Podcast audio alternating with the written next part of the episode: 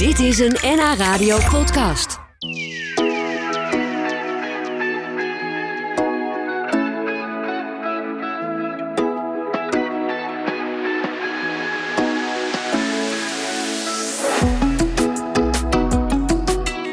Het begon allemaal met de aanleg van een klimpark in Den Helder, de Klimvallei. Daarna had Walter Bisseling de smaak te pakken en bouwde hij zelf een tweede park in Bovenkarspel. En inmiddels is dat uitgegroeid tot een wereldwijd imperium. En bouwt hij klimparken in eh, onder andere België, Duitsland, Ghana, Engeland en Ierland. En hij is vandaag bij ons te gast. Welkom Walter. Dankjewel. En fijn dat je even tijd voor ons kunt vrijmaken. Want volgens mij ben jij een enorm druk bezet man. Nou ja, ik ben een drukbaasje inderdaad. Ja? Ja. Maar, eh, maar inderdaad, nou ja, voor zo'n eh, uitnodiging zeg ik graag ja. Ja. Ja, en we hebben het eh, Hemelvaartweekend gehad. Is dat dan een tijd dat jij vrij bent? Of ben je juist dan heel druk omdat heel veel mensen erop uitgaan... en natuurlijk allemaal naar die klimparken gaan? ja. Nou, normaal gesproken inderdaad ben ik vaak wel aan het werk in die periode. Maar toevallig afgelopen weekend dacht ik, eh, ik ga daar zelf ook even tussenuit. Oh ja. En, en wat doe jij dan? Ben je zelf een buitenmens? Ja, ik ben zeker een buitenmens. We hebben een camper. En eh, we zijn naar Texel gegaan. Ja, we hoeven niet veel te reizen, zeg maar, om, eh, om het leuk te hebben. Zo is het. eh, Ik stond dit weekend op een camping in Almere. Nou, het is hartstikke dichtbij, maar hartstikke leuk. ja, fantastisch. Ja, en, eh. En ik, ben een, ik, ik hou erg van kitesurfen en mijn zoontje Oh ook. ja. Dus we zijn naar, naar Texel gegaan om te kitesurfen. Nou, dan hadden jullie goede winter bij, dus dat was even lekker genieten. Fantastisch. Leuk. Ja. Nou, straks dan gaan we praten over jouw klimpark Imperium. Zo mag ik het wel noemen, toch? Je zit gewoon over de hele wereld. Ja, dus, nou, ondertussen wel, ja. Ondertussen wel, ja. Goed gedaan. Walter Bisselink is vandaag bij ons te gast. Hij is een jutter uit Den Helder. Eh, komt hij? Dat, dat, jutter betekent dat je daar geboren en getogen bent, toch? Ja. klopt. Dat klopt helemaal. Ja, ze noemen het ook wel Nieuwe Dieper. Maar eh, Jutter is wel heel eh, bekend ook in Den Helder. nou, Ja. Dat je als je een heldenaar bent, dat je Jutter bent. Ja. Ja. maar je bent geen jutter van beroep, want je bent hier om te vertellen over jouw klimparken Imperium. En het begon dus allemaal met dat ene klimpark in Den Helder. Wat is dat voor plek? Hoe ziet dat eruit? Eh, het staat in de Helderse Vallei. En de Helderse Vallei is een eh, recreatiegebied. Eh, dat zit aan de buitenrand van Den Helder. Tegen het bos, het oude bos, de Donkere Duinen. En in dat recreatiegebied, daar eh, bevindt zich een duurzaamheidscentrum met een, met een kinderboerderij, ehm, een blote voetenpad. Er staat een pannenkoekenhuis. En nou, hebben wij daar het klimpark. En daarnaast doen we ook kanoverhuur. Want vanuit nou, die plek kan je ook eh, heel mooi kanoën, de Den Helder eh, op. Nou ja. Dus, eh, Ja, en, en dat klimpark zelf, eh, hoe, moet, hoe moet ik me dat voorstellen? Is, dat, eh, is, is het zoiets als zo'n bomenpad dat je in de boomkruinen loopt? Of moet je echt zelf in de bomen klimmen? Of waar klim je in? Nou, het, eh, de bedoeling was, eh, eh, want ik wilde heel graag dat een, een, eigenlijk een klimbos hebben. Alleen de bomen die waren te dun, zeg maar, om daar een klimbos van te maken. Maar ik wilde wel heel graag die beleving dat je tussen de bomen aan het klimmen bent. Dus, dus tussen de kruinen, zeg maar, in. Ehm, dus wat heb ik toen gedaan? Ik heb tegen die Duitse firma gezegd, die het uiteindelijk destijds gebouwd heeft, van joh, kunnen jullie niet palen tussen bomen plaatsen? Nou, dat hadden ze eigenlijk nog nooit eerder gedaan. Maar nou ja, uiteindelijk dus gelukt. Eh, en daardoor is ook ons eh, concept een beetje ontstaan. Want als je dus te dunne bomen hebt en een boom die groeit altijd, dus je moet je heel veel onderhoud heb je daaraan. En nou, nu klim je wel tussen de bomen, dus je hebt wel de beleving dat je echt in het bos klimt, maar je klimt ja, in de palen, tussen palen. Ja, ja, en tussen palen met, met van, die, van die smalle paadjes waar je op loopt eigenlijk. Of waar je, of een beetje van die, eh, ja, Het zijn touwen Ja, ja. of... eh, Allemaal touwbruggen netten inderdaad. of- ja, ja, ja. inderdaad. Klopt. Ja, het zijn inderdaad... eh, we hebben nu vijf, meer dan 50 hindernissen. En dat eh, verschilt tussen een spinnenweb of losse blokjes. Ehm, maar ook ziplines zitten ertussen. En ziplines, dat zijn ja, beter bekend als tokkelbaantjes. Oh ja. Alleen dan wat langer. maar dan ga je altijd van boven naar beneden, toch? Ja, klopt. Dus daar heb je altijd hoogteverschil. Dus wat, wat, wat je doet is je klimt eigenlijk een stukje hoger de paal in uiteindelijk. En dan zip je naar de andere kant. En daar is een oploopschot. En dan, nou ja, daar kom je dan weer aan. En dan klim, klim je weer dus eh, verder naar, eh, Naar de oude hoogte. naar de volgende. Ja. En dan heb je weer een hindernis. En, Ja. en dat kan weer van alles zijn. En verzin jij dat dan ook zelf, hoe zo'n baan eruit komt te zien? Ja, dat, ja, inderdaad, dat verzinnen we zelf. Een aantal hindernissen hebben we ook helemaal zelf ontworpen en gebouwd. Eh, de andere hindernissen die, jij die zie je in het, in het land. Er zijn zoveel klimparken en helemaal wereldwijd zijn er heel veel klimparken. Dus daar, uh, ja, dat is een beetje de geëikte hindernissen, die hebben we er allemaal in zitten. En we hebben het in gradaties. Dus uh, eigenlijk net zoals op een skipiste de groene piste is het makkelijkst. Dan krijg je blauw, dan krijg je rood en dan krijg je zwart. Nou, dat hebben wij ook. En dan hebben we ook de hindernissen in die uh, categorieën ingedeeld. Ja, dus ja. dan dat je wel... Ja, dat je niet meteen de eerste hindernis al verzuurt. Want dan, uh, dan kan je de andere 50 wel vergeten. Ja, en, en dus dit betekent dat je de, bij wijze van spreken ook als opa en oma met je kleinkinderen kun je dit gaan doen. Uh, en, en dan kies je gewoon de, de makkelijkste route. En dan, dan kom je er ook wel. Of, of is dat wat te hoog gegrepen misschien? Nou, nou op zich moet dat kunnen. Um, de meeste mensen die uh, een beetje goed fysiek uh, gesteldheid hebben, die, uh, die, die kunnen dat wel.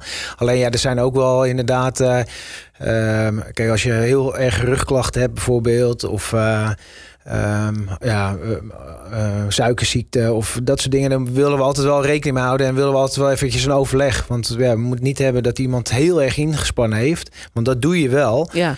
Um, en dat je halverwege denkt van oh, ik kan niet meer. En dat we, ja, dat we dan niet weten wat er aan de hand is. Ja, ja snap ik inderdaad. Maar in principe is het uh, vrij laagdrempelig. Omdat jullie dus ook wat makkelijker routes hebben. Voor mensen die niet heel veel ervaring hebben met dat, uh, met dat klimmen.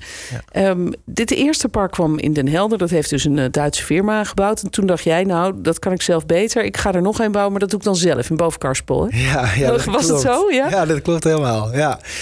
Ja, inderdaad, toen zij aan de bouw waren, ik was daar continu bij. Want ja, het, uh, je wilde natuurlijk zien hoe dat gebouwd wordt. En uh, toen had ik wel het idee van, hé, hey, waarom doen ze bepaalde dingen? En ik dacht, nou, ik vond het niet logisch. Dus ik ben me wat veel meer gaan verdiepen in de... Uh, in de norm, hoe dat gebouwd wordt. En in de bouwwijzes van andere parken. Dus ik ben nou, heel Nederland doorgereden, maar ook Duitsland en, en België gekeken. En nou, toen dacht ik van, ik wil eigenlijk het beste van alles wil ik in een nieuw klimpark stoppen. En uh, dus toen, uh, nou, toen kwam boven Kaspel uh, het streekbos uh, kwam, op mijn verlanglijstje. En toen ben ik die helemaal zelf, heb ik die ontworpen en helemaal zelf gebouwd. Wauw. Dus dat is eigenlijk, was eigenlijk al een beetje een soort jouw droom dat ik daar uitkwam. Maar dat was nog niet genoeg, want toen ging je ze over de hele wereld bouwen. Ja. Daar zullen we het zo over hebben. Maar ik was wel benieuwd dat die, die drang om, om te klimmen en lekker in de bomen te ravotten komt vast ergens vandaan. Was je als klein jongetje al zo'n zo'n kind dat altijd in de bomen klom en buiten wilde zijn? Nou ja, dat, uh, dat, dat herleidt weer naar de jutter toe, zeg maar. Ik ben inderdaad een buitenmens. En ik was heel veel op het strand altijd, uh, maar ook in het bos. En, uh, maar ook kano in, de, in de sloot, van alles en nog wat. Dus ik was continu inderdaad ja, buiten. Ja, ja. Echt buitenmens. Ja, dan is het nog niet meteen de eerste stap dat je denkt... nou, dan ga ik dus maar een klimpark bouwen. Hoe, hoe is dat zo gekomen? Nou... Um, dat is misschien een heel lang en ingewikkeld verhaal... maar wat was uiteindelijk... Nee, hoor, maar nou, nou, ja, ik dacht de bouwwijze zoals die, de, de Duitse firma... Dat, dat stond me niet heel erg aan. En ik dacht, dat kan ik zelf ook. En dat, ja, ik wil mezelf altijd triggeren om iets, uh, iets nieuws te doen. Ja. Dus uh, zodoende heb ik het nieuwe park gebouwd in uh, het Streekbos... En ja, en dan krijg je dus vanuit uh, bijvoorbeeld België waren er mensen die hadden die zaten te kijken, die wilden ook een klimpark. En die zagen dat wij tussen de bomen gebouwd hadden. Zij hadden ook geen bomen waar ze in konden bouwen. Ja, en toen dachten ze, ja, dat is fantastisch. Dus ja. toen, nou, dan kreeg mijn collega's die kregen de vraag van, joh, wie heeft dat gebouwd? En toen zeiden ze de eigenaar zelf. Ja. En nou ja, zo, ja, zo, zo is dat balletje gaan rollen. Ja. En hoe ontstond nou dat idee om een klimpark te beginnen? Want je werkte bij een strandtent, toch? Ja, ik uh, werkte bij een strandtent en daar uh, organiseerden we allemaal activiteiten. Maar in de zomerperiode was het rustig. Ja, de strandtent niet, maar wel qua activiteiten. Omdat er, ja, dan zijn er geen bedrijven die dan een uitje organiseren, zeg maar. Tenminste, in de zomervakantie. En toen dacht ik, ja, ik wil eigenlijk een activiteit erbij hebben die dat opvangt. En die er voor toeristen is. En... Uh, dus toen, uh, en, ja, en ik ben een buitenmens en uh, ook veel in het buitenland en dit soort parken gezien. Maar in Nederland waren er toen nog niet zo heel veel. En toen dacht ik, ja, dat zou te gek zijn. Daar kan gewoon iemand om negen uur aankomen. Dat is gewoon van 9 tot 6, zeg maar, is dat geopend. Ja. Dan kan je gewoon aankomen, je kan een activiteit doen en dan daarna vertrek je weer. En uh, nou ja, zodoende is dat idee ontstaan. En eh, ben ik bij de gemeente gaan informeren van... joh, eh, Ja. Willen jullie daarin mee? Ja, dat had nogal wat voeten in de aarde, begrijp ik. Want voor de gemeente was dat ook voor het eerst dat ze moesten bedenken hoe, hoe doen we dat allemaal met vergunningen en zo. Maar dat is uiteindelijk gelukt. En toen kwam er een tweede park in boven Karspel dat je helemaal hebt ingericht naar je eigen ideeën. Ehm, daar komt natuurlijk wel veel bij kijken, want dan heb je een, een groot stuk grond nodig. Eh, hoeveel bomen moeten daar staan? Eh, dat lijkt me een heel, eh, hele puzzel eigenlijk. Ja, dat klopt. Nou, dat, ehm, ik kwam in het gebied omdat ik eh, folders eh, ging rijden van de Klimvallei. En ik dacht, ik ga eens de andere kant van de A7 ook eens op. En nou, toen kwam ik in het recreatiegebied. Ik dacht, oh, wat een fantastisch gebied is dit. Dit kan niet anders dan dat hier een klimpark heel goed zou lopen. En er was al een midgetgolfbaan en eh, of minigolfbaan. En ehm, toen dacht ik, ja, hier zou het fantastisch passen. En ik zag het ook helemaal voor me al. En ik heb een, ehm, iemand die impressies voor mij maakt. Dat is eh, Monique Doosje uit Den Helder. En ik heb, eh, ik, ik heb mijn idee aan haar, eh, ehm, bij haar neergelegd. En zij heeft het getekend. Ehm, gewoon in- als impressie. Ja, en het, en het is precies ook geworden zoals, het, Oh ja? eh, zoals zij het getekend heeft. Wauw, wat mooi zeg. Ja, Ja, maar ik neem me aan dat als je dan van de tekening naar de realiteit gaat bouwen, dan moet er natuurlijk nog van alles berekend worden. Ja. Want houdt die paal wel iemand van 100 kilo? En hoeveel mensen kunnen er tegelijkertijd op zo'n, eh, op zo'n, eh, van zo'n tokkelbaan af of, of in zo'n spinnenweb? ding gaan hangen. En dan komt er natuurlijk ook een moment dat er voor het eerst een soort testrit is. Of eh, hè, dat er voor het eerst geklommen wordt. ja. Doe, jij dat dan zelf of huur je daar mensen voor in? Of zijn er, wijs je vrijwilligers aan? Van nou, eh, Jaapie, ga jij maar eerst. Ja, nee. Nee, we laten. Kijk, het moet inderdaad helemaal berekend worden. En eh, constructieberekening en alles. Ehm, en dat is allemaal naar de norm. En de norm, die, die is. Nou, daar moet je dus naar, naar bouwen. En vervolgens komt er een onafhankelijk keuringsinstituut. Die komt het park keuren. Ah. En die gaat kijken of het gebouwd is naar, naar de norm. En of er ja, andere veiligheidsissues nog zijn. Ja, want er moet natuurlijk niks misgaan. Nee, Nee. nee. En nou ja, vervolgens, dan, eh, ja, dan heb je een testteam inderdaad. Je, je eigen medewerkers en eh, ehm, die het dan gaan proberen. Ja. En, ehm, En jij zelf, denk ik. en ik zelf zeker ook. Ja, ja. Sta jij vooraan? ja, nou ja, eh, je bent de hele bouwperiode, ga je eigenlijk al alles door. Alleen eh, ja, niet aaneen geschakeld, zeg maar. Dus het is steeds dat je met een hindernis bezig bent. Ja, en die, die klim je al tien keer, Ja. maar nooit achter elkaar. Dus, eh, maar dan haal je inderdaad de kinderziektes er ook uit. Ja, als je dat leuk. uiteindelijk gedaan hebt. Ja, en nu eh, is dat allemaal eh, in gang. Dat, die zijn allemaal in bedrijf.